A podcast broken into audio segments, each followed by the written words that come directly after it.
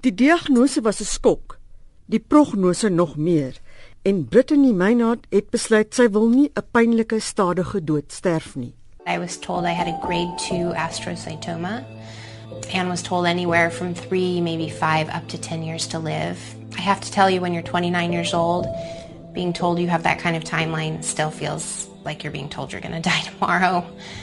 70 days post op, I went in for another MRI and was told I had had a grade change.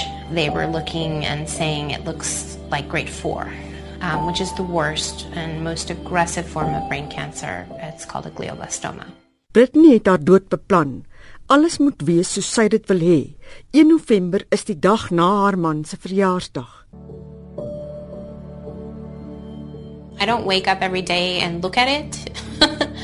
Um, it's in a safe spot, and I know that it's there when I need it. I plan to be surrounded by my immediate family, which is my husband and my mother and my stepfather and my best friend, who's also a physician. Um, and probably not much more people. And I will die upstairs in my bedroom that I share with my husband. Sy is verlig dat sy nie haar laaste dae op aarde in pyn gaan wees nie. I can't even tell you the amount of relief that it provides me to know that I don't have to die the way that it's been described to me that my brain tumor would take me on its own.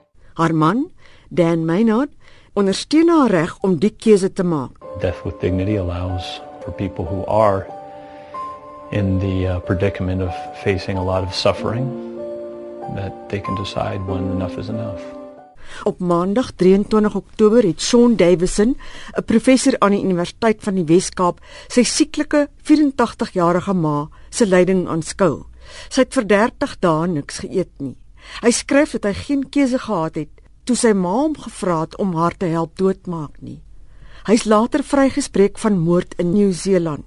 In Europa word genade dood in België, Luxemburg, Switserland en Nederland toegelaat terwyl dit gedoen kan word in die FSA in state soos Oregon, Washington en Montana.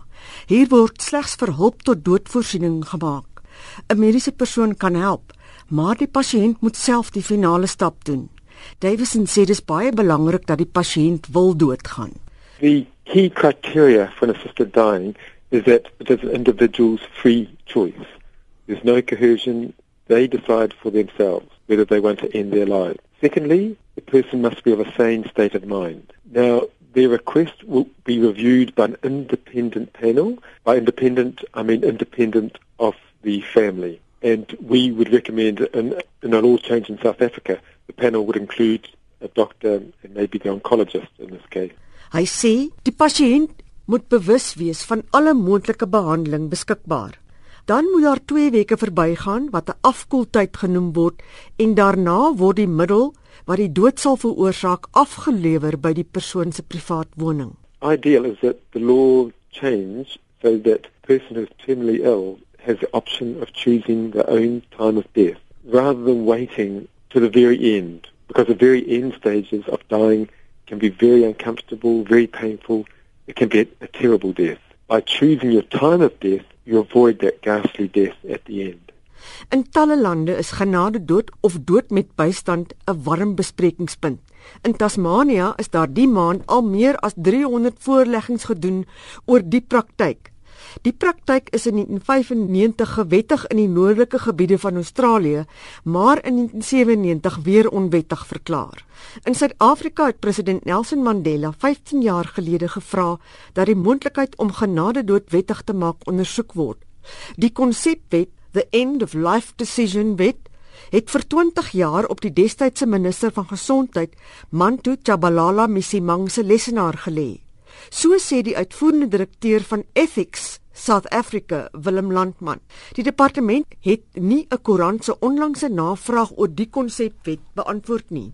Dr Claude Newbury, 'n voormalige president van Doctors for Life, het in 'n onderhoud met 'n koerant verlede jaar gesê As die mediese professie eers begin dink dat dit toelaatbaar is om iemand dood te maak, dan is die samelewing op 'n glyerige baan op pad na Auschwitz. Dokters kan dan moord as behandeling begin gebruik. Mitsi van der Merwe in Johannesburg.